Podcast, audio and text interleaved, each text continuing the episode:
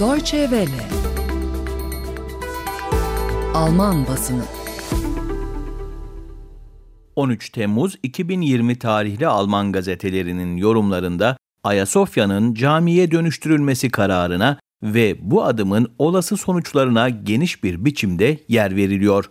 Sayın dinleyiciler haftanın ilk basın turuna ulusal çapta yayın yapan gazetelerden Süddeutsche Zeitung'dan bir alıntıyla başlıyoruz. Gazetenin yorumunda Ayasofya adımını atan Erdoğan'ın modern Türkiye'yi bir yön değişimine zorladığı ve bu adımın Batı'yla ilişkileri onarılamayacak biçimde değiştireceği savunuluyor.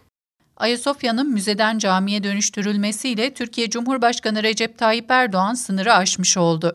Hem kendi ülkesini hem de dünyayı modern Türkiye'yi değiştirecek bir yön değişimine zorluyor. Erdoğan'ın bunu stratejik bir hesap olarak mı yaptığı yoksa bu pervasız adımıyla iç siyasetten uzaklaştırmak mı istediğinin bir önemi yok. Önemli olan şu, Türkiye'nin dünyanın Müslüman ülkeleriyle ilişkileri değişecek. Saf bir hayranlık ve takdirle şekillenen bir karakter alacak. Ancak Avrupa, Avrupa Birliği ve Amerika Birleşik Devletleri ile ilişkileri de değişecek ve bu ne yazık ki daha iyi yönde olmayacak. Sıradaki yorumumuzu Bayreuth kentinde yayımlanan Nordbayerischer Kurier gazetesinden aktaracağız sayın dinleyiciler. Yorumda Erdoğan'ın elinin zayıflamasına karşın Türkiye'de muhalefetin bir alternatif sunmadığı belirtiliyor.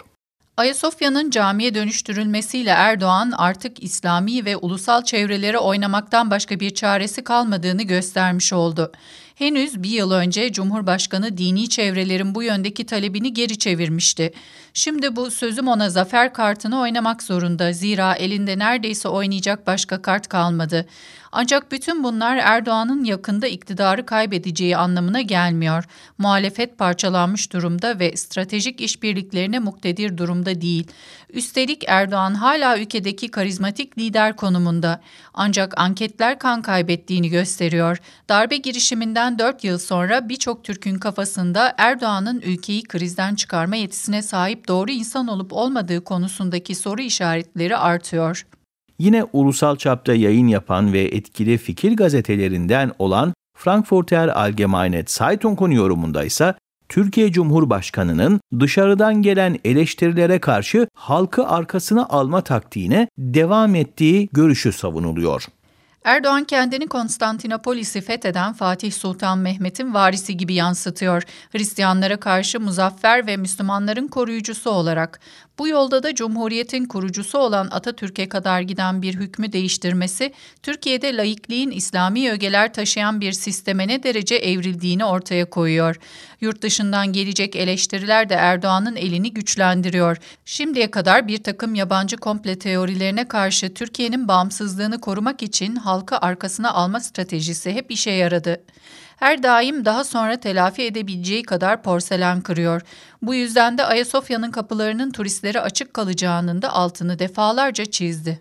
Ayasofya ile ilgili yorumları bu şekilde aktardıktan sonra son olarak Birleşmiş Milletler Güvenlik Konseyi'nin son Suriye kararı ile ilgili bir yoruma yer vereceğiz. Rusya ve Çin'in vetosu sonrası Birleşmiş Milletler Güvenlik Konseyi Suriye'ye insani yardımların artık Türkiye-Suriye sınırındaki iki kapıdan değil, tek bir kapıdan gönderilmesine karar verdi. Yapılacak yardımlara karşı Rusya ve Çin'in tutumu Pforzheimer Zeitung'daki yorumun eleştiri konusunu oluşturuyor.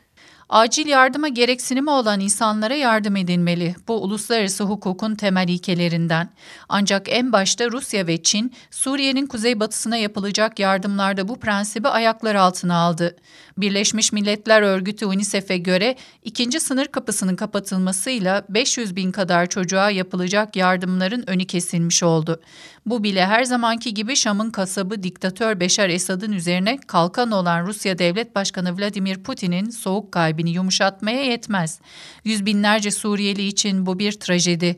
Onlara yardım etmek için Birleşmiş Milletler dışında yollar bulunmalı.